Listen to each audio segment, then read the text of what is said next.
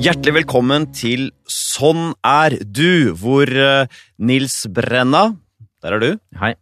Og jeg heter Harald Eia. Vi er eh, klare. Jeg vil si vi gleder oss til å bore ned i resultatene av personlighetstesten til en forfatter av tolv romaner. Hun har oversatt i en rekke språk, mottatt utallige priser. Velkommen til Sånn er du, Hanne Ørstavik. Takk. Du har jo tatt denne mm, personlighetstesten, men du vet ikke resultatene. Du skal snart få høre resultatene for eh, første gang. Du har svart på 240 spørsmål, mm. som da kartlegger fem ulike personlighetstrekk med underliggende undertrekk på hvert hovedtrekk. Så vi, har, vi skal ha et ganske finmasket garn her, Hanne, til å fange deg. Ja, jeg er veldig nysgjerrig på, på hva som kom ut av de litt, litt corny spørsmålene. Ja, var, det, var spørsmålene corny? Ja, jeg syns det. For eksempel, hva var corny, da? Nei, de var liksom På en måte så var de altfor enkle, og samtidig altfor åpne. Det var rett og slett veldig ofte vanskelig, fordi de var så unyanserte, vanskelig å, å forholde meg til dem. Men du svarte ærlig. Ja, Og fort. Jo, Ja. Ja. Ok, vi setter i gang. Vi er veldig nysgjerrig på deg, fordi eh, vi har jo, ikke bare fordi vi er nysgjerrig på deg pga. det du har skrevet, men også på en måte den du har vært i offentligheten, og vi har sett intervjuer med deg. Mm. Eh, også jeg personlig er også nysgjerrig, fordi jeg har jo eksperimentert med mange hårfrisyrer opp igjennom. Så jeg, også, for du har en veldig karakteristisk frisyre med sånn pannelugg veldig høyt opp på hodet. Som også, Hva sier det om personligheten din? Det, det Hva tenker tenker du om det, her da? Nei, jeg har lurt på selv. Min egen frisyre har jo sagt på en måte ukonvensjonalitet. Det å ikke bry seg om eh, moter og Ja, for det, det skal sies her at du er jo som du er nå, men da du var yngre, så gjorde du mye av det, ikke sant? Ja, selv før jeg mistet håret, hadde jeg For eksempel så Jeg klippet meg selv hit og dit. Og, Men du, du har jo faktisk en frisyre, så jeg vet ikke Vi skal finne ut i dag også om den sier noe om du er uh, uavhengig eller veldig åpen, eller kanskje et uttrykk for nevrotisisme. Hvem vet? Nå er jeg også veldig nyklippet, da, så det passer jo bra. Ja, nei, det, er veldig, det er veldig kul og veldig karakteristisk. Så Ja. det er mye ting vi er nysgjerrig med deg, Hanne. Ja. Så vi setter i gang og finner ut hva Hanne Ørstaviks score på denne faktoren ekstra versjon er. Ekstraversjon, Nils, det er jo da um, Ofte så sier man på norsk utadvendt, men dette ekstraversjon måler på en måte mer hvor mye kick man får av den ytre verden. Ja, ikke, altså ikke bare mennesker, men andre ting også i den ytre verden. Det kan være at du liker å hoppe i strikk, for eksempel. Så, så vi har lyst til å starte med en underdimensjon på ekstraversjon som heter sosiabilitet. Altså hvor mye energi du får av å være sammen med andre mennesker. Eh, tror du du er et utpreget menneske som eh, trives som er sammen med andre? Jo flere, desto bedre. Eller er du en som eh, kanskje liker å være litt med for deg selv? Jeg liker å være for meg selv. Jeg gjør det. Ja. Men, eh, men jeg Jeg setter pris på andre òg, men eh, jeg vil veldig gjerne være den som styrer hvor mye og hvor lenge og når. Ja, da tolker vi deg at du er litt under snittet sosial. Det er riktig. Det er riktig, ja. Jeg var- 50 ja. er snitt. Mm. Under 45 begynner å dra seg mot lavt. 42 er du, som er ganske lavt. Ikke veldig lavt. Ok.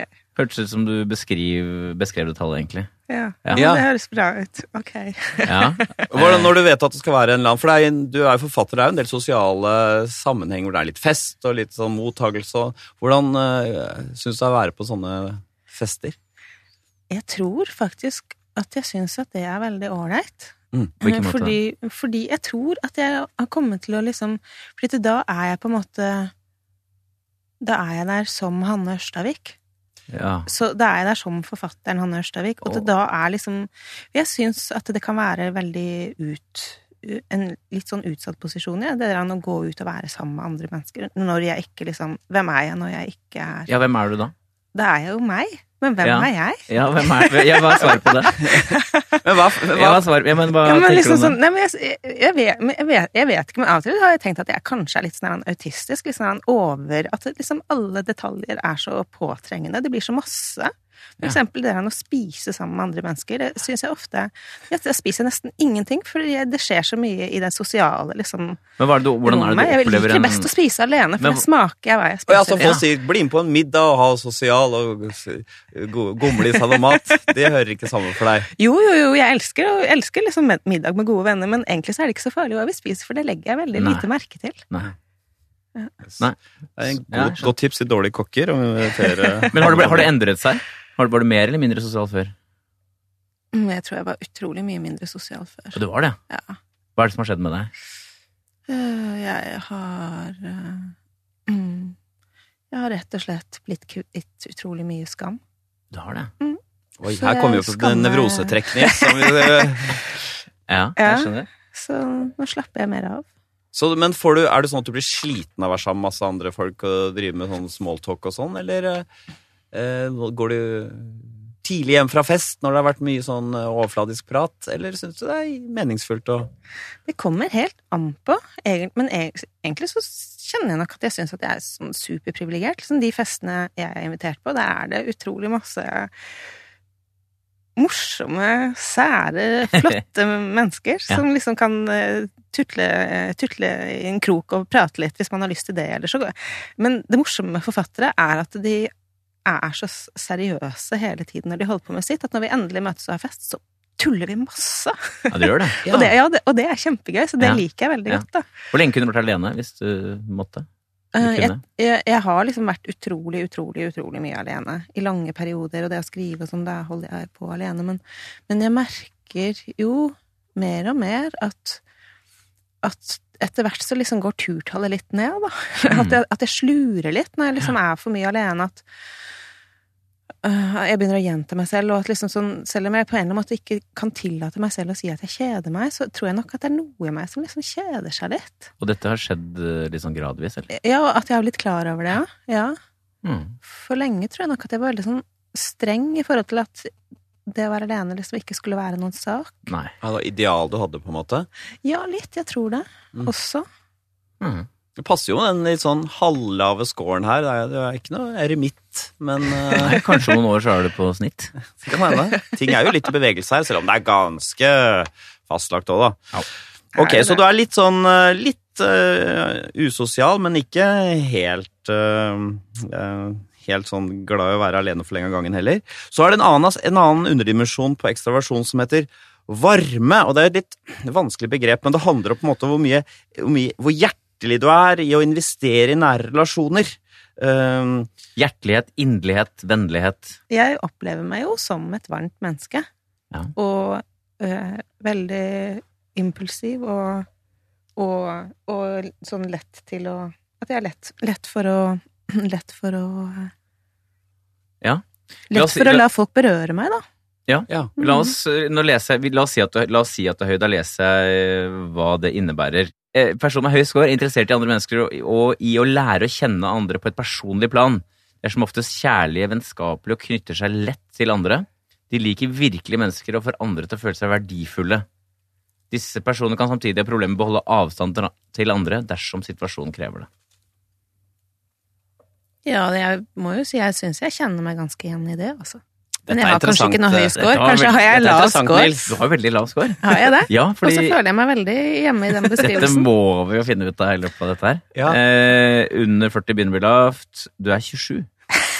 Ja, du er på, faktisk så er du innafor 1 den laveste. Oi, så Ja. spennende. Det er Ja. liksom litt sånn kald person, da. Hva karakteriserer de lave? Kan ikke du lese hva som karakteriserer de laveste? Personer med lav score er ikke spesielt interessert i å skape og opprettholde nære og personlige relasjoner. Mm. Det betyr ikke at det er mangel på medfølelse eller vilje til å hjelpe andre, men snarere at de er formelle, reserverte og en relativt distansert væremåte i relasjoner.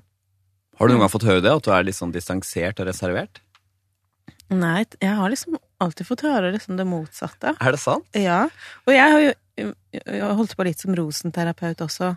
Og det er liksom De som kommer til meg og kler av seg og legger seg på benken min og får behandling, de også opplever jeg på en eller annen måte at, at føler seg veldig ivaretatt da, Ja, av Ja. meg. Men det er jo nok en gang på en måte en rolle, da. Ja, det det er jo nok riktig. en gang en sånn det. type rollerelasjon. Litt som du sa i- med det sosiale, egentlig. Mm. Det er lettere å være her som forfatter. Mm. Det er lettere å være her som rosenterapeut. Mm. Så hvis du ikke var der som rosenterapeut, hva ville skjedd da? Det ville kanskje skjedd, det som står nederst. Mener du det? Nei, jeg Kan vet ikke om jeg mener det, men, men jeg, jeg, har, jeg, har, jeg er ikke sånn som henger rundt med masse venner og Nei. har masse sånn jeg, Eller har du mange venner? mm, jeg har jo mange for så vidt bekjent Nei, jeg har ikke mange venner. Jeg har ikke det, altså. Fordi det er ofte det som kjennetegner folk som scorer høyt, er at de er litt sånn, har mange og nære relasjoner. Mm. For eksempel, eh, nå husker jeg vel Hans Olav Brenner, for eksempel. Tror jeg er sånn 15 nære venner. Mm. Og det er ikke, altså, skulle gjerne hatt flere, men har ikke plass til flere, liksom. Og han har en veldig sånn ønske om å ha det. Det skal jo sies her, Hanne, at øh, jeg var veldig nysgjerrig på hvordan du var, og syns du virket veldig mystisk. Vi to har ganske lik score, vi, på varme. Har vi det, Harald? Ja, ja. Og det var en trøst. jeg liker heller ikke å tenke på meg selv som en Nei. kald type, men jeg har vel sant å si ikke så mange venner, jeg heller. Altså, du vi er, jo, jeg kan, vi er jo venner, ikke sant? Ja. Du, men du, og du er jo for så vidt en god venn, men du har ikke, føler ikke den derre lengselen fra deg etter liksom noe nært og inderlig?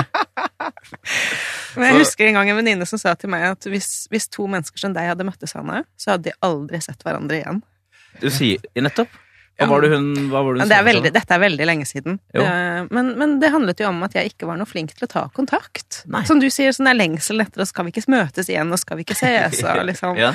Ja, men vi så jo hverandre for tre måneder siden. Så du, Ja, men men, hvor mange nære venner har du, bare for å? Mm. Men det rare er at jeg har liksom At de menneskene jeg opplever, er at Kanskje mine nærmeste venner er for eksempel to forfattere, Mirja Unge og Kjersti Nordberg i Stockholm, som, jeg, som kan gå år mellom Nettopp. hver gang jeg ser, eller hver gang jeg har kontakt med. Men de er sånn vil, Når vi først, først møtes, så opplever jeg at de er liksom blant mine nærmeste venner, og jeg vet at, at det er sånn for dem òg. Uh, og, det, og det tenker jeg liksom er eh, Men jeg tenker at dette, dere har liksom satt fingeren på virkelig et sånn eh, svart uh, hull i Bare ikke kall det svart, for det høres så negativt ut. Nei, nei, men som, en, Ja. men som et sånn energipunkt. Ja. Liksom, jeg, men jeg tenker at dette er Ja, men det føles som svart, mer som sånn et mørke som er uoppdaget, eller ubelyst, da. Jeg, jeg syns jo dette er veldig spennende, så Hvordan gjør du det, Harald, for å liksom eh, forholde deg til ditt eget lave tall her? Ja, For meg er det veldig nyttig å få sånn opp påminnelse på Facebook at noen har bursdag og sånn. Men, eh, for liksom å klare å skvise ut sånn 'Gratulerer med dagen!' Gode. Er du god på det, Hanne? Å gratulerer og sende små smileys og Nei, jeg har rett og slett eh, inngått en sånn deal med meg selv ja, om, at, jeg, om at, eh, at det gjør jeg ikke. Hva er det du ikke gjør? Jeg sender sånn bursdagshilsener på Facebook. Hvorfor har du inngått en sånn deal? Det er Ja, for jeg har så innmari mange venner der. Og så, og så syns Ja, men sånn, Nei, du har det- det- 300-400 bare, har jeg sett. Ja, Har ikke jeg liksom borti 3000 eller sånn? Har du det? Hva, Jeg tror Nei, det. jeg vet ikke. Jeg, jeg det etterpå. Jeg, Men, spør jeg men, ikke. men når du har bursdag, da får du gratulasjoner da? Ja, jeg fikk sist jeg hadde Jeg nylig hatt bursdag. Jeg, jeg fikk over 300. Men for å være helt ærlig, så har jeg jo ikke Jeg har jo ikke åpnet dem. Jeg har Du blir ikke lest glad dem. for det, liksom? Ja, men, nei, men jeg vet sånn, Jeg har ikke tid. Kan jeg spørre om noe? Fordi at jeg, jeg, har engang, jeg har ingen glede av sånne gratulasjoner til meg. Ja, Faktisk ikke. ja. Så jeg har tatt den bort bare, den bursdagen. Jeg, jeg, prøvde å gjøre det før jeg hadde bursdag, men jeg skjønte ikke hvordan jeg skulle gjøre det. Nettopp, ja. Men, men det er et eller annet med den der type kommunikasjon som ikke Som på en måte bare er Som er den Facebook-flaten, eller som er det der mellomsjiktet som ikke liksom Jeg tror jeg er veldig Jeg tror jeg er et menneske som har veldig behov for veldig dyp kontakt når jeg først har kontakt. Ja, Og hvis ikke, så kan det bare være. nettopp. Da kan det like gjerne være i en type rollekontakt, da, som forfatter eller som terapeut eller som et eller annet. Men, men jeg tror liksom at hvis jeg har og det, og det er jo på en eller annen måte Jeg tror Ja, dette må jeg liksom forholde meg til, men jeg tror Jeg tror det er noe der, altså. Det var eh, et, eh, interessant at det var litt sånn mørkt hull for deg, dette med den eh, lave scoren på varme. Vi har vel fastslått nå at Hanne Ørstavik er et ganske introvert menneske, Nils. Ganske introvert menneske. Snitt 50, eh, du er 43. Men omtrent det samme som Harald, da. Bare for å bringe deg tilbake igjen her. Så dere kan godt være litt for dere selv. Ja, Gå hvert, til sitt. ja det kan vi være. Vi kan være sammen hver for oss, ja. Ja.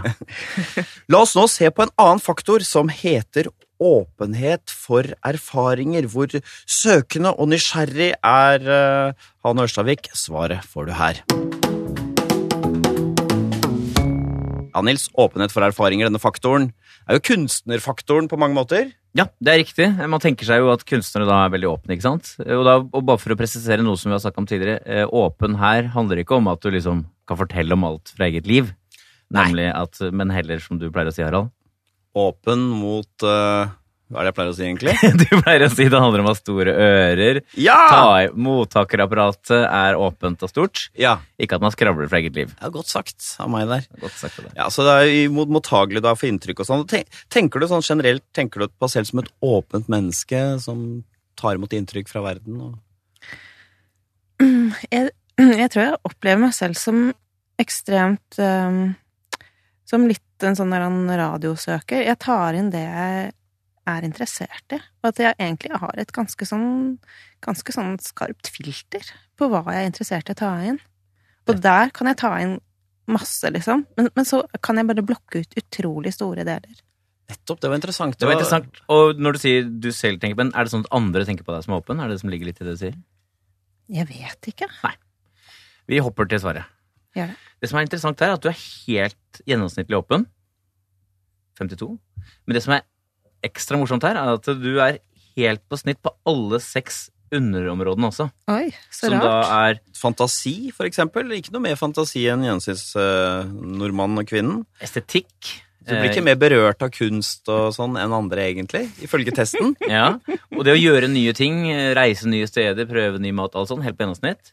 Og intellektuell nysgjerrigheten, helt på gjennomsnitt. Og siste, som er jo litt interessant, kanskje dette med åpenhet for følelser også, helt på gjennomsnitt. Ja, dette syns jeg var litt merkelig. Men du, sa jo selv, du sa jo selv at du hadde et filter. Mm. Fortell litt om det, da, hvordan det foregår. La oss ta fø- åpenhet for følelser, da. Ja, Hva, det, på hvilken måte kommer det filter inn der? jeg vet ikke helt hvordan jeg skal si det, men det føles som om jeg på en måte liksom mm, At jeg vet veldig godt hva jeg er interessert i.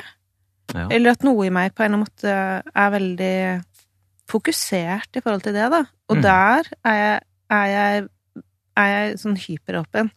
Eh, Men så kan jeg liksom lukke veldig av for alt som liksom ikke interesserer meg. Nettopp. Hva kan det være som ikke interesserer deg, da? Ja, hva kan det være? For eksempel så vet jeg bare absolutt ingenting om politikk. Nei, Nei, nei. Ingenting. Ikke interessert i. Er Stemmer du ikke interessert. Det, Stemmer st det stemmer veldig. men Om jeg stemmer, stemmer? stemmer du? Ja, ja, jeg gjør det, men det er også litt sånn gud Varierer du litt på hva det stemmer? Nei, egentlig ikke det heller. Jeg bare Du har funnet et parti? Ja, så bare stemmer jeg det, og så er, har jeg gjort det, liksom. Men, men jeg vet ingenting. Men en som uh, scorer veldig høyt på åpenhet for følelser, er jo Karl Ove Knausgård. Så han beskriver når han kommer inn i et rom, så kjenner han på hva alle stemninger som er, og noen er lei seg, eller noen er nervøse og sånn. Når du kommer inn i et rom, er det sånn, har du radaren ute for hva, hvilke følelser folk rundt deg har? Ja, jeg har nok det, og jeg, og jeg kjenner meg nok veldig igjen i det eh, Knausgård også sier, at, at jeg har det nok også veldig sånn at jeg på en eller annen måte tar en veldig også bare sånn åh, det Åh, der var det trist, liksom. Hun det er liksom, Mm. Der er det et eller annet, og, og sånn og sånn og sånn. Men, men så er jeg nok også ganske sånn kynisk, sånn i forhold til at liksom Men, men det, det, det er orker ikke jeg forholde meg Nei. til akkurat nå. Da går jeg liksom til en annen krok av Ja. rommet, liksom. Så det er ikke sånn at jeg føler meg sånn he- hemningsløst liksom invadert av alle Nei. stemninger. Men det kan også være sånn Er det, er det for ille, så, så må jeg jo bare komme meg ut. Ja, men dette, dette skal vi komme til. Dette skal vi komme til. Det, men, det, men har du også mange stemninger i deg selv som varierer mye, liksom? Ja, det har jeg nok. Jeg- Det var nok mye mer før, tror jeg nok. Jeg, liksom, ehm, jeg har jo gått i terapi konstant siden, siden jeg fikk barn. Ja. Så det blir jo nå 21 år siden. Hvorfor begynte du da? Eh, fordi han jeg var gift med, tvang meg til å gjøre det. Altså, du trenger deg til, følger du opp med det? Rana? Ja, jeg har lyst til å følge opp med det. Ja. Jeg tror det var sånn at han syntes det var litt tungt da at jeg liksom stadig vekk kom ut til kjøkkenbordet og sa at jeg vet ikke hvordan jeg skal holde ut og leve resten av livet. ja. Det lukter terapiønske fra partner der, ja. ja. ja. Så da gjorde du det, ja. Ja, da- han tvang meg til å gjøre det, Mm. så, og det er jeg veldig takknemlig for. For Mm. det, så det var Men, absolutt da ikke nødvendig. Har du hatt Du sier at du var mer åpen for følelser før. Betydde det at du lyttet mer til følelsene dine? Hadde du problemer med å forstå følelsene dine, eller hva, hva, hvordan hva? Det, det, var ikke mer, det var ikke sånn at jeg var mer åpen for følelsene mine, men jeg var nok mer i mine stemningers vold. Svingte mer. Ja. Ja, eller, eller på måter som på en måte kunne sette meg mer ut, eller gjøre meg mer liksom Som på en eller annen måte Ja, jeg var mer i sånn et bølgende hav, og jeg var mye mer sånn utlevert. Ja. Mens nå opplever jeg mye mer at jeg på en eller annen måte kan liksom romme det som er, da. At jeg i mye mindre grad på en måte er en liten sånn flytende dott. Klarer du, er det en riktig måte å si ja. du klarer å vende det døve øret til følelsene dine mer enn før? nei, og det, nei det, og det har jeg ikke noe mål om. Det, det er ikke det, liksom, men det er mye mer at, at jeg Og det er kanskje fordi jeg ikke liksom slåss så mye jeg tror, jeg tror Før så tror jeg mye mer sånn jeg kunne liksom være veldig lei meg over at jeg var lei meg, liksom. Hvorfor skal jeg være lei sånn, At jeg var på en måte liksom kritisk til den følelsen jeg hadde, da. Og, og da ble den liksom Da ble det jo liksom en dobbeltkamp, da. Da skulle du liksom både føle det, og så skulle du kritisere at du følte det. Så liksom, da ble det jo ikke fred å få. Det ble mye. Ja. Dette høres riktig ut av kjæresten din å henvise til en ekspert her, ja. Det blir for vanskelig for en vanlig mann å håndtere. Ja, så det er jo eh, Vi hadde jo her trodd, Nils, at eh, Hanne skulle score veldig høyt på åpenhet, så dette var en ganske For du tenkte vel da du så den sveisen at dette er et åpent menneske? Ja. Er det det du, det er en av dine arbeidshypoteser? At Ja. sveisen utstråler det? Ja, et tegn på Her er det å, Ja, ikke sant? Her er det åpenhet for ting. Her Her er alt mulig. Ja, så uh, dette i den grad Ja, så min uh, hårhypotese, uh, en av mange, Ja. må, ble falsifisert. Svekket er ikke falsifisert, det er Ja, riktig. det er ikke. Men jeg kan i veldig lange perioder føler meg helt følelsesløs. Ja. Og det er, er en helt forferdelig ting. Fordi jeg tenker, for jeg tenker at følelse er på en måte kompasser som liksom som, Eller sånn varsellamper som sier noe om, om relasjoner, eller om på en måte hva som er riktig og galt. Ikke sant? Når du er sint, så er det fordi ofte liksom Grenser blir overskredet, eller sånn et eller annet du, du skal ta vare på, liksom noe skal ja, Anyway, liksom. Følelser er viktige. Kompass, liksom, tenker jeg i Og det å ikke føle noe er på en eller annen måte å, å liksom ikke å miste kompasset sitt, men som forfatter så har jeg veldig Så har jeg hatt det sånn opp gjennom hele skrivinga mi at når jeg har skrevet, så har jeg følt. Det er ikke sånn språket blir et sånn sugerør, da. Mm. Inn i følelsesklumpen. Som du, du kan ikke kjenne følelsene, men, men du kan nå dem med språket, liksom. Mm. Og det er en veldig sånn merkelig dobbelt, dobbelthet, da, som, som jeg kan kjenne meg veldig igjen i. Ja, det er bra det er, det er når du skriver at du opplever det sånn, da. Du får bare masse følelser. Også, ja, Men jeg, jeg har lyst til å føle mer, da. Ja, jeg, Jeg vil jo leve et sterkt liv. Ja, du vil det? Ja, jeg er kjempeintens ønske om det. Nei, fordi, fordi livet er så kort, og fordi liksom, det føles veldig som om det At det fins noe veldig sånn livssterkt i meg, da, som liksom vil ha Du er egentlig en vital type. Og Jeg er egentlig ikke sant? Denne testen viser jo at liksom hva er egentlig, men, Ja. men jeg, jeg tror jo at det er en sterk Mm. del av meg. Du har et ideal, du la ut på Facebook et sånn Roald Dahl-sitat som Ja. handler om at man må leve sterkt. Lunkenhet er bare tull. Rødglødende og lidenskapelig må det være hvis det skal bli noe greie på det. Og så skriver du uh, over Å ja, sier jeg bare ja. Ja. Så dette omfavner du, men i praksis så har, er du ikke en sånn rødglødende føler. Mm, Jeg vet ikke helt. Jeg har jo hatt virkelig et rødglødende kjærlighetsforhold på gang noen år nå, som har vært liksom Som har holdt på å, å knuse meg totalt. Har du Og det? det har vært liksom På hvilken det- måte har det knust deg? Eller holdt på å knuse deg? Mm, Nei, han var jo Han ville ikke ha meg, eller sånn, for å si det sånn. Eller sånn, han ville ha meg, men han ville ikke ha meg seksuelt, og det var liksom helt forferdelig. Og det, Ja. det holdt på å gjøre meg helt bananas. Ja. Er det Varer det fortsatt, eller? Nei, det er over nå. Ja.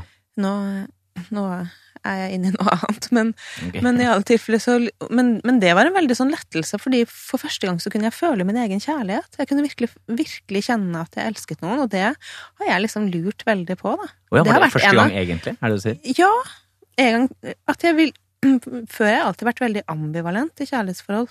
Sånn vil og vil ikke og vil, men ikke så mye, og liksom sånn Hva føler jeg egentlig? Men med han så var det sånn Jeg ville han liksom 100% og det var så godt. Akkurat det var faktisk veldig Den godt. inderligheten hadde du? Ja, at jeg hadde den. Også det at det var en sånn vond relasjon, det var på en måte litt deilig at du tross alt kjente på de sterke følelsene. Ja, men Alt dette her syns jeg er et Men mysterium. det er ikke sikkert at det var på grunn av de vonde følelsene at det var inderlighet heller. Det kunne hende at du faktisk bare La oss si at han var veldig grei på alle mulige måter. Du kunne likevel ha elsket han, eller? Ja, det er det alle sier. Hadde han villet ha deg, hadde du villet ha han da? Ikke sant? Det er liksom ja, Og hva, tenk, hva svarte du på det? mm, Det Ja, jeg tror jo jeg ville det. Ja. Men det var det sånn at du nesten var sånn takknemlig for å være eh, Det, det dysfunksjonelle ved forholdet, var det en god ting for deg også? Er det er det, det du forstår det riktig da, eller? Nei, det var jo ikke godt. Nei. Det var er jo ikke godt. Jeg Det, kan, det- det vet jo ikke du helt, det er det du sier. Mm. Men det du merket med han, var bare at du kunne elske, som er det inderlige her.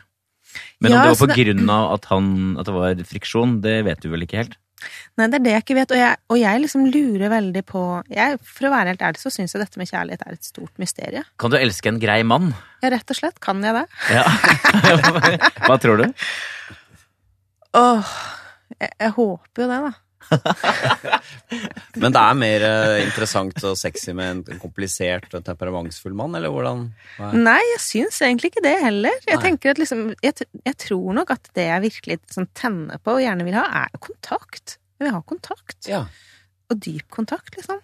Men det krever, dyp kontakt krever jo også at jeg har dyp kontakt med meg selv. Og hva skjer da når jeg går over i den tilstanden hvor jeg ikke har kontakt med følelsene mine, hvor jeg bare er flat? Og, Mm. og hva, liksom, hva slags relasjon er da mulig? Men er det, betyr det at når du er skriver, så har du mest kontakt med deg selv, og det er da du kan elske, eller? Er det så enkel logikk? Jeg tror kanskje at du er inne på noe. Ja. Rett og slett, altså. At det med skrivingen er, er en, er en fase og en tilstand som, som gir tilgang til områder i meg selv som Ja, jeg tror det, altså. Mm. Ok, dette var interessant. Her kom vi, berørte vi veldig mange temaer via denne ja. faktoren åpenhet. Og så, vi har vært inne på det så vidt, eh, den faktor som heter nevrotisisme. Hvor mye negative følelser som rører seg i Hanne Ørstaviks hode. Det skal vi finne ut nå. Du hører på NRK P2, Sånn er du. Dagens gjest er forfatter Hanne Ørstavik. Nevrotisisme, Nils, det er jo øh, Det kalles noen ganger følelsesmessig instabilitet, men det handler om hvor mye negative følelser preger deg. Ja, Rett og slett. Så vi går rett løs på faktoren her også. Øh, Hvordan er det Tenker du deg selv som et øh, sånn Er du nevrotiker, Hanne Ørstavik? Jeg vet ikke om jeg så er det, jeg, jeg håper det ikke er det så mye lenger, men jeg har helt sikkert vært det. Og jeg er det sikkert litt fortsatt. Men eh, Er ikke det? jeg er ikke det. Nei, du er gjennomsnittlig. Du er på snitt. Jeg er på snitt. 48. Du er, du er ikke sånn super-ikke, men du Ja. er Å ja. Kult. For du var inne på det. Jeg var kanskje litt rask med å komme med svar, men du, var jo, Ja. du tenkte jo litt blanding av tro og håp der. Ja. Blanding av tro og håp er helt korrekt. Men det du eh, sier at du var det før, jeg tror nok at jeg var det mye mer før, ja. hva har skjedd? Mm, Jeg har blitt rosenterapeut. Og så har jeg blitt eldre. Og så har Jeg du blitt vet gått i ikke. terapi, og har det hjulpet dårlig? Ja, det har det nok helt garantert. Ja, Og for så vi har skrevet med- romanene mine, det tror jeg også har hjulpet. Men, Mm. men liksom, jeg har jo Jeg tror jeg liksom et veldig sånn at jeg på en eller annen måte ville, jeg ville ha et bedre liv. At jeg har jobbet veldig for å liksom Og det er det jo bare jeg som kan finne ut av i meg selv og få til, liksom. Så jeg har jobba utrolig. Da, hvordan jobber du for å bli lykkeligere? Jeg jobba veldig mye med indre bilder. Hvordan da? For eksempel så, eh, så husker jeg at jeg har liksom barndomsmiddagen som mm, har vært veldig, veldig sånn skam i forhold til den mm, eh, Som handlet om at vi hadde en litt sånn intermesso fra min finnmarksoppvekst mens mamma gikk på Sosialhøgskolen, og da bodde vi i Oslo, og da måtte jeg ta trikken to holdeplasser til skolen, og, noen, gang- og da fikk jeg én krone til å Og da var du gammel omtrent. Da var jeg mellom seks og ni, Ja. de tre årene. Og så, mm, og så fikk jeg en krone til trikken hver vei, men så var det jo ikke så veldig langt, sånn at hvis jeg gikk, så sparte jeg den kronen. Og så hvis jeg sparte liksom to kroner, så hadde jeg råd til å kjøpe en Snickers som min yndlingssjokolade. Og den eh, spiste jeg liksom helt alene på rommet mitt. Og så husker jeg en gang pappa kom og så meg spise den sjokoladen, og så sa han med verdens største forakt i både stemme og blikk, liksom, ligger du der og trøstespiser? Sa han det? Ja, virkelig, med, liksom den største forakt i verden, og det var så forferdelig, for jeg elsker pappaen min overalt på jord, og, og det liksom å bli sett på med den, med den forakten, når jeg i utgangspunktet også skammet meg, da, over og, og ville liksom skjule Ja. min nytelse, skjule min glede. Liksom. Det var dette med på en måte min egen glede, liksom, og, og det å, på en måte bli sett på med den uendelige forakten. Eh, og så husker jeg veldig godt at, at jeg på en måte jobbet med å, å, å være hos den jenta i den som satt eller lå eller på en eller annen måte på den der senga, da, inn på det rommet, og, og plutselig så slo det meg at jeg kan jo sende en til inn. Jeg kan være i det bildet, og, og, og liksom, hvis du virkelig går inn og er i et sånt indre bilde, et, et barndomsminne eller noe, så så kjenner du jo den følelsen, eller den, den forakt Alle all de følelsene blir veldig sånn aktivert. De, de, er, de er nå. Og, så, og da sende inn meg fra nå, eller sende inn et Og så går du inn nå som ja, voksen? ja, inn i det bildet, og setter meg ved siden av den jenta på sengen. Og så kommer pappa i mitt indre, og så sier han det, og så kan jeg som voksen liksom snu meg til han og si Vet du hva, Det der syns jeg var noe skikkelig piss å si til den jenta som sitter der. Nå begynner jeg nesten å gråte når jeg forteller. Er det sant? Ja, noe piss å si til den jenta ja. Piss å si til den jenta som sitter her og Og koser seg med sjokolade. ja. Det syns jeg er skikkelig dårlig gjort av deg. Nå kan du bare gå, så skal jeg sitte her sammen med henne. Du har ikke noe med å komme her og være så foraktfull mot henne. Men da kunne jeg liksom merke etter noen dager, for det tar liksom, kroppen er seig, liksom, men etter noen dager kunne jeg liksom merke noen sånne dype stemningsskift, da. At jeg kjente meg mindre sorgfull, eller at jeg kunne kjenne meg liksom mindre ensom, eller noen sånne dype, dype drag som jeg nesten har trodd at på en måte er, er min personlighet, da. Men som jeg mer liksom har skjønt på en måte er sånne dype strøk av følelser som på en måte bare har ligget som sånne undervannselver i meg selv, da. Men vet faren din om dette her, eller forresten? Eh, det vet jeg ikke, men jeg har drept pappa i terapi tusen ganger. Ja, sånn, det han er liksom med øks, sag, kniv, bjelker, hender På grunn av den ene opplevelsen? Nei, Men hva tror du han la i den? Jeg bare så, så litt fra hans side. Altså, sitter, er, det, altså, er det bare sånn lett setning fra han, liksom? Tenker du der òg? Ja, det kan være litt sånn eh, Du ødelegger appetitten din før middag. Nei, det var ikke sånn, vet du. Det Det var ikke sånn. Du vet Nei, det? jeg vet det. Hvordan var det da? Nei, det er sånn mm, Jeg elsker jo min pappa fortsatt, sånn, Ja. og elsket han da også, men, men min pappa har aldri vært noen letthetens mann. Eh, og når han kom med det, med det blikket Han var en utrolig vakker mann, og ut, han er fortsatt veldig vakker, men han var så utrolig kraftfull. Nå er, nå er han på en måte blitt et mildt lam i forhold til det han, den intensiteten i øynene hans, og, som jeg liksom elsket. Jeg syntes det var så vakkert, men, men samtidig var det helt forferdelig å få det blikket mot meg. Men hva var, det han, hva var det i det blikket hans som sa det? Forakt. Det var forakt. Det var forakt, ja. ja. Okay. Det, og det tror jeg, og det tenker jeg liksom i forhold til følelser og sånn, at det du føler, det føler du, og det er sant. Mm. Selv om liksom Så kan han si at det var noe annet, men, men det var det jeg følte. Og uansett om det kanskje ikke var sant for han, så var det sant for meg. Og det var den sannheten som på en måte ble værende i meg, og det er den jeg på en eller annen måte må forholde meg til, da. Så, men du beskrev i stad at du hadde mye skamfølelse rundt en del sånne sosiale møter tidligere. Mm. Og ja, men jeg har, jeg har både vært nesten, nesten klinisk deprimert og, og så skam, skamridd at jeg liksom knapt har følt at jeg liksom hadde lov til å være i verden. Såpass, ja. Ja, så det er, det er, det er liksom ikke peanøtter. Hva, hva, hva, hva, hvordan er det å være så skamfull, holdt jeg på å si? Det er helt forferdelig.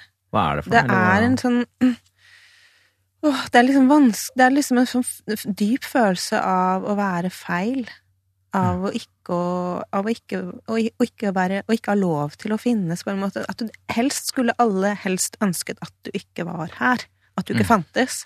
Og det, det gjør at du på en eller annen måte krymper deg, du liksom, og du gjør det veldig sånn fysisk. Det blir en veldig sånn følelse av at du liksom skal ta opp minst mulig plass. Så forsvinne. Ja, følelse av å ville forsvinne. Dette er fremmede følelser for oss, Nils. Det kan vi, Ja, det kan jeg vel si. Der er jeg så- Men jeg tror nok alltid at, at, jeg, at jeg alltid har hatt det At jeg alltid har også hatt det motsatte, ikke sant? Jeg har jo blitt forfatter. Jeg har liksom Ja, tatt ordet. Ja, jeg har jo det. det. det er ting senere du er- kommer til som øh, går i den retninga også. Så jeg tenker at det er en motsetning, det er jo Ja. Det er, en, det er en fasett, eh, en underdimensjon på nevrotisismefaktoren som heter impulsivitet. Altså det handler i hvilken grad du gir etter for drifter og begjær. Og du ler her, men er du en som lett eh, gir rette for å liksom eh, det du har lyst på, eller er du Og det er et nevrotisk trekk, da, ikke sant? At du er en sånn slave av dine lyster og behov, og at det ødelegger for deg at du angrer etterpå. Eller er du en som um, kan motstå fristelser og begjær? Hvordan ligger du an her, tror du? Ja, det er jeg faktisk veldig nysgjerrig på, hva testen sier, fordi det er også en ting jeg jobba veldig med. For jeg har vært sånn nærmest anorektisk. Og det å være liksom det, da, da har du stålkontroll. Da har du ikke lyst på noen ting, og da kan du ikke kjenne lyst engang. Så liksom det å gi etter for en impuls har liksom, har, er liksom noe som for meg har vært veldig ikke-nevrotisk, da. Som, uh, jeg har jobbet veldig for i det hele tatt å kunne kjenne impulser. For å Ja, kunne du har Å, jeg, det, etter det å bli fins en lyst, liksom. Ja, Oi, det fins en lyst, la meg følge den. Ja. Jeg skjønner Ja. din høye Din lave impulsivitet har vært et problem Eh, Ja, Ja, rett og slett. tidligere. Hva Fordi er, du, for, ja, altså Svaret her er at du er, du er jo da fortsatt ganske lav, da. Er jeg det? Ja. 36, som er øh, 6-7 laveste. hadde du takka ja til en Snickers nå, da? Men, du, men når du sier det der med nærmest anorektisk, er det, har, du vært, har du hatt sånne problemer, eller? Ja, jeg har det. Du har det? Jeg, jeg har liksom vært Men jeg har aldri vært noe sånn at jeg liksom har vært innlagt eller noe. Men jeg, men eh, Du har kjørt deg hardt liksom på det? jeg har kjørt meg superhardt. Vært så streng at det er liksom helt sånn virkelig Men og fortsatt er det sånn at når jeg legger meg om kvelden, så vet jeg akkurat hva jeg har spist. Du vet det? Ja. Ja, ja. Så det ligger liksom i Du har jo bare skrevet bøker som handler litt om sånne ting, men har du, har du snakka om dette her før? holdt jeg på å si? Uh, ikke så mye, tror jeg. Nei. Nei. Men uh, jeg har skrevet bøker, for eksempel den boken som heter Hyenene. handler nok veldig mye om det impulsgjennombruddet. Eh, på veldig mange plan, da. Men jeg tenker Impulsgjennombrudd og det å tillate seg å gjette for impulser? Eller? Mm, hakket før. Det å kunne kjenne en impuls. Det å Ja. kunne bli klar over den. Fordi at når du virkelig går inn i dette mønsteret, så er, så er jo det, det er jo på en måte anorektikerens liksom store kick, er jo at du ikke føler lyst mer. Du føler ikke lyst. Ah. Sånn at, sånn at da, det er ikke noe problem å ikke spise fordi du har ikke lyst Nei. på mat. Eller du føler ja, Det er ikke noe å holde tilbake, for det er ikke Nei, der. nei. Jeg skjønner. Men når du, når du fortsatt gjør det regnskapet om kvelden, er det liksom plagsomt at det er sånn? Nei, egentlig ikke noe mer. Nå, nå Fordi jeg tenker at det er jo også en sånn avveining sånn Jeg liker kroppen min som den er, jeg har ikke lyst til å bli tjukkere, ikke sant. Det er jo alle disse tingene her. Vi Ja. sånn, blir en eldre dame, og jeg, fortsatt, jeg har fortsatt lyst til å være slank. Sånn, ja, det syns jeg jo også er en legitim Ja. holdning. Sånn at liksom sånn, jeg tenker at, altså, Men jeg, jeg, jeg føler meg mye sånn Nå er jeg jo mye mer avslappet i forhold til det, men det er jo sånn jeg gjør valg hele tiden. Sånn, hvis jeg spiser det, så da kan jeg ikke spise det. Sånn, sånn og sånn. Da er du Men- streng. Ja, eller for meg, jeg opplever Jeg, jeg tror ikke jeg vil kalle det streng lenger, men jeg vil nok ha Bevisst er nok kanskje et ord Men du jeg skal ha mye for å spise fire boller, liksom? Da Det Det skjer ikke Det skjer lenger. ikke. Boller. Nei. Det har vært noe. Det andre, er det, an- er det, handler det mest om mat, denne lave impulsiviteten? Eller er det sånn I fasiten står det også seksuelle behov, å holde igjen det. Er det også noe du har liksom ikke gitt etter for? Det er jo noe jeg utforska i, de- i de siste årene, da, etter at jeg møtte han som ikke ville ha sex med meg. Eh, Så Så har jeg virkelig Da har jeg liksom utforska det, da. Da var- følte jeg liksom at jeg var ferdig med å utforske liksom de matimpulsene. Ja. Så da var liksom neste steg var da å utforske det med bare- seksualitet. Så da, har- da har jeg gitt etter for eh, alt mulig rart. Ja, da har du gitt etter. Ja, ja. Ja. Du får stoppe oss og spørre for mye, da, men hvordan er det man utforsker det? Da, da gjør man nettopp det. Man liksom på en eller annen måte går inn, eller sånn er åpen Som jeg sa, liksom det å gå inn i en situasjon, hva er det jeg er interessert i? Da har jeg rett og slett hatt det sånn i mange år nå at, jeg har, at det har vært at det seksuelle har interessert meg veldig. Og at jeg har vært veldig nysgjerrig også på meg selv da, i forhold til seksualitet. Hva, vært nysgjerrig på liksom hva som er mulig, og hva som tenner meg, hva som liksom Ja. hva, hva, Forslag kommer om litt sånn uvanlige ting. Altså, ja, ok, la oss prøve det, liksom. Ja, det merkelige er jo at, at jeg fortsatt er nok veldig sånn Det er snille ting jeg har gjort, altså. Okay. Det er ikke farlige ting. Men, men, men, men er det liksom sånn at det kan jo skje både hist og her, og opp og ned, og hvem som helst, nærmest, liksom. Sånn, det er jo sånn, sånne ting, liksom. Og det, og det, og det, og det å tillate det, eh, og undersøke hva det gjør med meg å tillate det sånn, Jeg har nok vært i en veldig sånn undersøkende fase i forhold til det, da. Ja. For å finne ut av mine egne Og, det, og du fant ut det du skulle? Ja, jeg tror det. Jeg tror jeg, jeg er nok litt ferdig med den fasen også nå.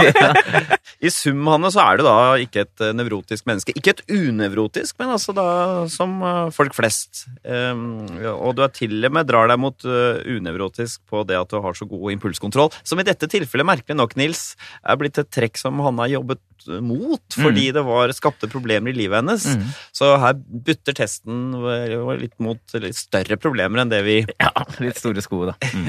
er laget for å håndtere. Men så blir jo spørsmålet Det er et, en personlighetsdimensjon som heter medmenneskelighet, som handler om samarbeidsvilje, medfølelse, hjelpsomhet. Hva er Hannes score her? Du hører på Sånn er du på NRK P2. Dagens gjest er forfatter Hanne Ørstavik. Medmenneskelighet, Nils, er jo noen ganger kaller det, noen kaller det for omgjengelighet. Det er jo i Ja. hvilken grad man på en måte Er det friksjon i møte med andre mennesker, eller glir det? Ja, Møter man uh, andre folk med åpne armer, eller litt mer sånn piggene ute? La oss se nærmere på en underdimensjon som heter følsomhet. Den kunne like gjerne hett empati. Vi kaller den empati, vi. Gjør det. Empati. Mhm. Hvor, eh, hvordan du på en måte, I hvilken grad du blir berørt av andre menneskers eh, behov. eh, eller i hvilken, i hvilken grad du er mer praktisk praktisk, realistisk eh, i møte med andre, andre menneskers eh, følelser og behov. Der tror jeg nok at jeg har en ganske lav score. Ja, det har du. 36. Det er og som jeg tydelig. føl- også Hva, opplever at jeg, fortell. liksom, at jeg liksom har arbeidet for ikke å ta ansvar for andres følelser, da. Ja, og tenke at liksom det Dine følelser er, er din greie, og det er fordi jeg jo nok har opplevd meg selv veldig som en sånn barnearbeider i følelsenes rike, liksom. Som, Ok, Så du var en empatiker før, egentlig? Er det du sier? Ja, og litt sånn grenseløs i forhold til hva føler du, hva føler jeg, eh, og det å ta over andres følelser nesten litt sånn Det tror jeg handlet mye om mamma og pappa da jeg var liten, ikke sant. Moren din liksom. liksom, liksom lesset følelsene sine over på deg? Nei, jeg tror ikke hun gjorde det bevisst, liksom, men jeg tror jeg var veldig villig til å bære dem. F- Ja, Fordi jeg tror det å føle andres følelser var en måte jeg kunne føle at selv at jeg var nær dem, med dem. Ja. At jeg kunne føle at vi var nær. Hvis jeg kunne føle det du følte, Ja, sånn. så kunne jeg føle en nærhet i det å dele den, være i den følelsen som den andre hadde.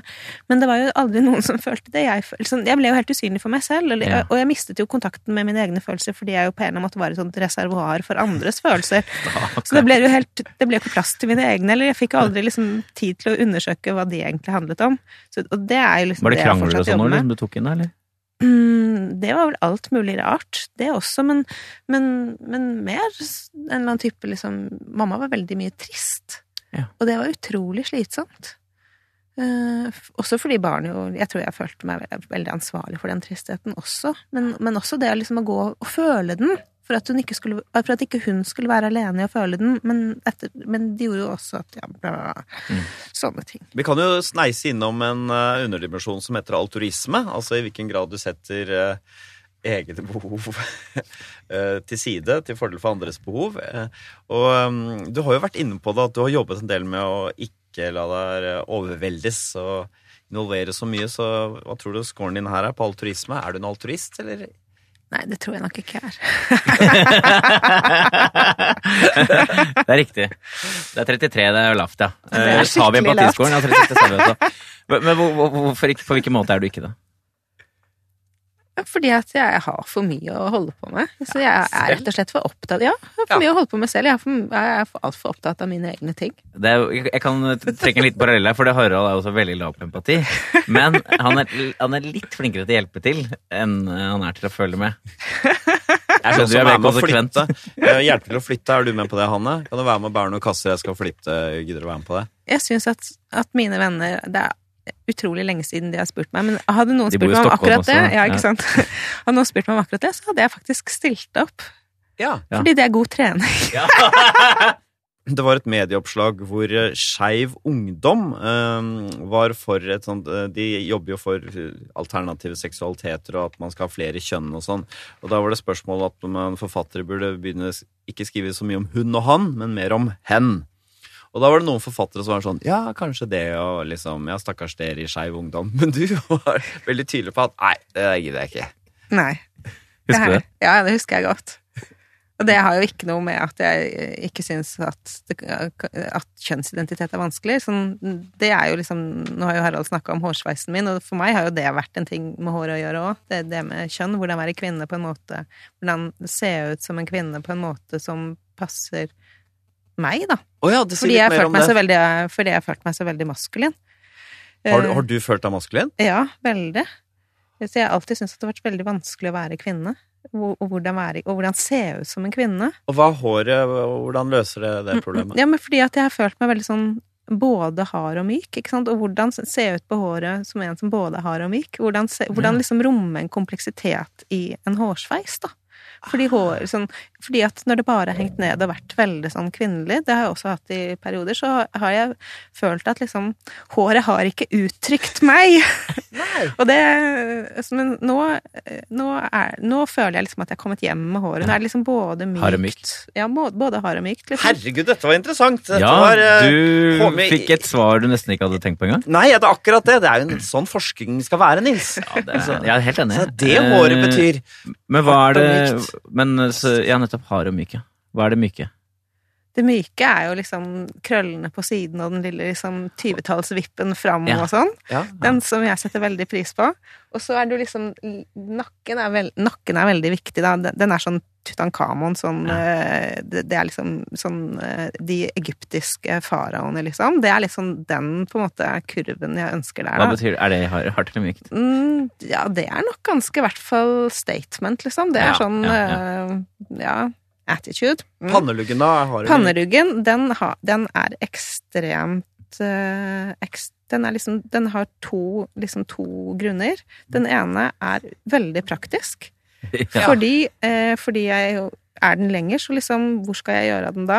Og å ha håret bak ørene har jeg prøvd en stund, det kledde jeg ikke. og alternativet er diverse hårspenner og sånn, og det funker ikke for meg. Noen har sånne flotte panner av, av kvinner som bare kan ha langt hår, og så liksom henger håret på siden. Det gjør det ikke med meg. Det er liksom, det bare blir sånn gardin foran. Det er grusomt. Så liksom, det er kjempepraktisk. Kutte den av, og, og at den må være så kort som mulig. Det er liksom også Jeg merker at jeg blir litt deprimert. Den andre grunnen. Ja. Ja, den andre grunnen Det ene er den praktiske, liksom, Ja. og den har jeg sagt, sagt noe om nå. Og det andre er Og det andre vet jeg ikke egentlig helt hva er, men jeg liker Nei. den åpenheten. Ja. Det gir ansiktet, pluss at jeg syns faktisk at ansiktet mitt kler at, eh, at eh, at pannen også er stor, da. Ja. Sånn at det liksom er min egen estetikk jeg nå liksom har liksom og det myke ved deg, sånn bortsett fra sveisen, hva er det? Jeg skulle holdt på å si alt, men det, er, det er det ikke. Ja, for her har vi fasetten Ja, jeg skjønner det, at det jeg er mye hardere enn jeg tror. Nei, hva ville du sagt var det myke ved deg? Mm. Jeg tror jeg har en forståelse for nesten alt. At jeg tror at jeg kan forstå nesten alt. Du er lite dømmende. Du er Ja, jeg tror det. At jeg kan forstå nesten alt. Og det tror jeg på en måte gjør også at, at, jeg kan, at nesten alt kan nå meg, på en eller annen måte. Mm. Og at det er kanskje at jeg setter opp mye vegger liksom for å ikke bli nådd av alt mulig rart. Mm. Kanskje. Ja, du kjøper den. Dette var jo Jeg skulle gjerne, hvis jeg ikke hadde hadde mista håret, kjørt en sånn pannelugg som det For jeg er også myk og hard, Nils. Ja, du er, kanskje, du er jo ganske grei, i hvert fall. Ja, grei sveis. Hvordan Du er er ganske du er, Altså Myk og hard var så rart å si om deg, men du er ganske grei oppi alt. Ja da. Men en grei sveis, hva er det for noe? Ja. En, en lugg. som er som uttrykker meg, nemlig grei. Ja. Dette var, Hvem hadde trodd at det var på denne faktoren at håret skulle komme til sin rett på medmenneskelighet? Men du er altså da litt lav på medmenneskelighet eller omgjengelighet. Tydelig lav bare for å være pirkete. Tydelig lav. 36. Så syns du det er ubehagelig å høre det, eller? På en måte så overrasker det meg ikke, og det overrasker meg at det ikke overrasker meg, men jeg vet egentlig ikke helt. Jeg må tenke på dette Jeg skal bare si på snitt, Du er på snitt når du er gjennomsnittlig tillitsfull, Mm. og du er gjennomsnittlig føyelig, så du er ikke noe kranglefant heller. Nei. Ikke sant? Mm. Ja, Det merker man jo. Så skal vi se hvordan du ligger an, Hanne, på denne faktoren som kalles for planmessighet. Her er din score på eh, denne faktoren som handler om viljen og drivkraften til å prestere for å oppnå sine mål.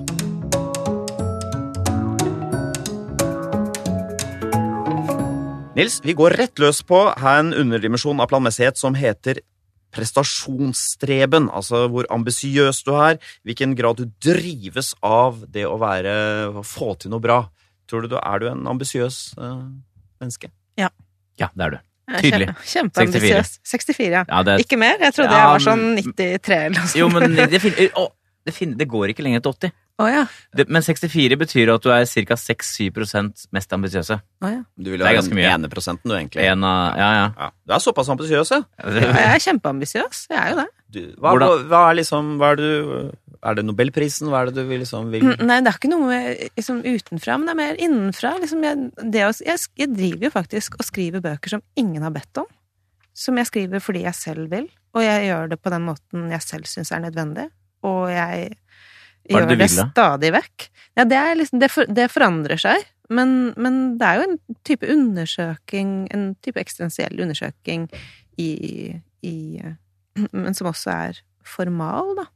Og, Hva legger du i det? Mm, det, med det tenker jeg at jeg, lager, at jeg konstruerer, rett og slett veldig konkret, at jeg konstruerer romanunivers hvor, hvor jeg undersøker problemstillinger som er grunnleggende avgjørende viktig for meg i mitt Ja. eget liv da, å finne Ja. ut av. Mm. Uh, og, det, og der er jeg hyperambisiøs, liksom, for det fins ingen Hvis ikke jeg gjør det så godt jeg bare kan, så er det ingen andre som kan gjøre det. Nei, det er sånn du tenker på det. Sånn tenker jeg. Jobber du mye? Ja, eh, ja, jeg jobber hele tiden. Jeg husker datteren min sa det til meg da hun var liten. Sånn, pappaen hennes er jo også forfatter, og da eh, husker hun sa det at når folk spurte hva hun skulle bli når hun ble stor, så sa hun at jeg skal i hvert fall ikke bli forfatter, for de jobber hele tiden. Ja. Så han var ambisiøs forfatter også? Han er også en ambisiøs forfatter. Så står du opp tidlig eh, om morgenen og jobber, eller hvordan ser arbeidsdagen din ut? Eh, den har forandret seg veldig. Før så, før så var jeg veldig sånn at jeg sto kjempetidlig opp og jobba. Nå løper jeg en time før jeg begynner å jobbe. Men, Hver dag? Men eh, Men nå kan jeg jobbe, liksom. Nå kan jeg skrive når som helst. Men i lange perioder så skriver jeg jo ikke. Men jeg føler jo likevel at jeg jobber, fordi jeg er så intenst inne i min egen undersøkende prosess. Nettopp det at jeg opplever at min interesse mot verden er som en kanal. Og det Mm. Følelsen er der også i den prosessen? ja, og at, og at det, er der, det er der Fordi jeg jo hele tiden på en eller annen måte driver med en type sånn samle, samleprosess. Da. Mm. Samler inn mot det neste romanen min, eller det neste Det er akkurat som en sånn prosess av å samle og så blir det en knute eller en ball av tråder som er en, som er en tetthet, som jeg kjenner er sterk nok til en roman, og så blir det en roman, og så er det en ny prosess av å samle inn til en sånn tetthet. Skjønner. Var du en ambisiøs student også? Ja. Du? Superambisiøs. Det er lett for oss å skjønne hvordan er en ambisiøs student. Vi var jo studenter, vi òg. Hvordan, hvordan var du da? Jeg vet ikke, vi må jo tusle rundt på Blindern samtidig. Ja, Ja. Det var ikke i kantina der hvor jeg satt med, eh, tydeligvis. Ja, for det gikk jo både på HF og SV, du, ikke sant? For, Ja, jeg gjorde det, ja, ja. ja. Men hvordan var du da? Som, hvordan er en ambisiøs student? Hvordan var du? Jeg var der når lesesalen åpna. Du var det, ja? Ja. Åtte, i- liksom? Ja. Det var såpass, ja? Ja, jeg var det. Hadde med, åtte, hadde med liksom? termos. Nei, Jævla nei, ikke. Ja. Ja. jeg var det. I sum, Hanne, så er du eh, gjennomsnittlig planmessig. Du har noen høye utslag, du er ambisiøs, og du har veldig høy selvdisiplin også. Det har vi ikke vært innom. Og du, eh, og du har noe litt sånn eh, lave scorer også. Eh, Men du ligger det er midt på tre her også. 51, helt på snitt. Mm. Helt på snitt. Så, men det er jo her driven din ligger, da, åpenbart. Og, Men at du, du er ambisiøs og har selvdisiplin, der ligger det mye krefter, selvfølgelig. Ja. Mm. Helt klart. Så uten det så hadde det ikke vært noe sted. Så er tiden kommet. Nå har vi gått gjennom masse aspekter ved øh, sjelen din. Nå skal vi prøve å på en måte oppsummere. Hanne Ørstavik, her kommer fasiten om hvem du er. Ja, altså Hanne, dette har vært eh, uhyre vanskelig eh, og interessant. Vanskelig for oss, Nils, fordi vi, eh, vårt testapparat vel ikke klarer helt å fange denne kompleksiteten i sitt hele fylde. Er du enig? Jeg er enig, samtidig så mener jeg jo at testen også har fått Hanne selv også til å komme nærmere noen sannheter ved seg selv. Det Det er er jeg også enig i. jeg håper det. Interessant. Eh, vi- kan eh, Hva, hva har, på en måte, har vært, hvilke erkjennelser har du selv hatt i løpet av denne nesten timen sammen? Nei, jeg tror det som har gjort størst inntrykk på meg, som jeg tror jeg kommer til å tenke mest på når jeg rusler hjem herfra, er, er det der den sorte hullet, altså. Det med Den sosiale varmen. sosiale varmen, ja. Det at jeg nok ikke er så varm som jeg trodde. tar du på rosenterapeuthatten, roseterapeuthatten, så er det over der. Det som er interessant, og det som gjør deg så i at du skaper så mye uh, ting som mange setter pris på, er jo det at du er, du er brutal, men du er uten ondskap, tenker jeg. Ja, det var fint sagt. Vi trenger jo på en måte, vi som resten av oss som går rundt og ja, ikke orker å se ting helt i øynene og sånn, tar hensyn til mange ting, så trenger vi en sånn som deg til på en måte å se hvordan uh, ting er, tenker jeg. At vi trenger litt sånn, eh, litt sånn harde typer som deg, som er villige til å gå inn i også vonde ting. Og gyve løs og rive det fra hverandre og prøve å få oss til å se. Filtrere, fokusere og ikke blande inn altfor mye følelser i alle mulige sammenhenger. Hmm. Det, er, det gir jo klarhet. Ja, det har du rett i. Mm. Ok, Hanne, takk for at du kom, og takk for at du bød på deg selv eh, så rikt og detaljert. Ja, tusen takk. Takk for, takk for dette.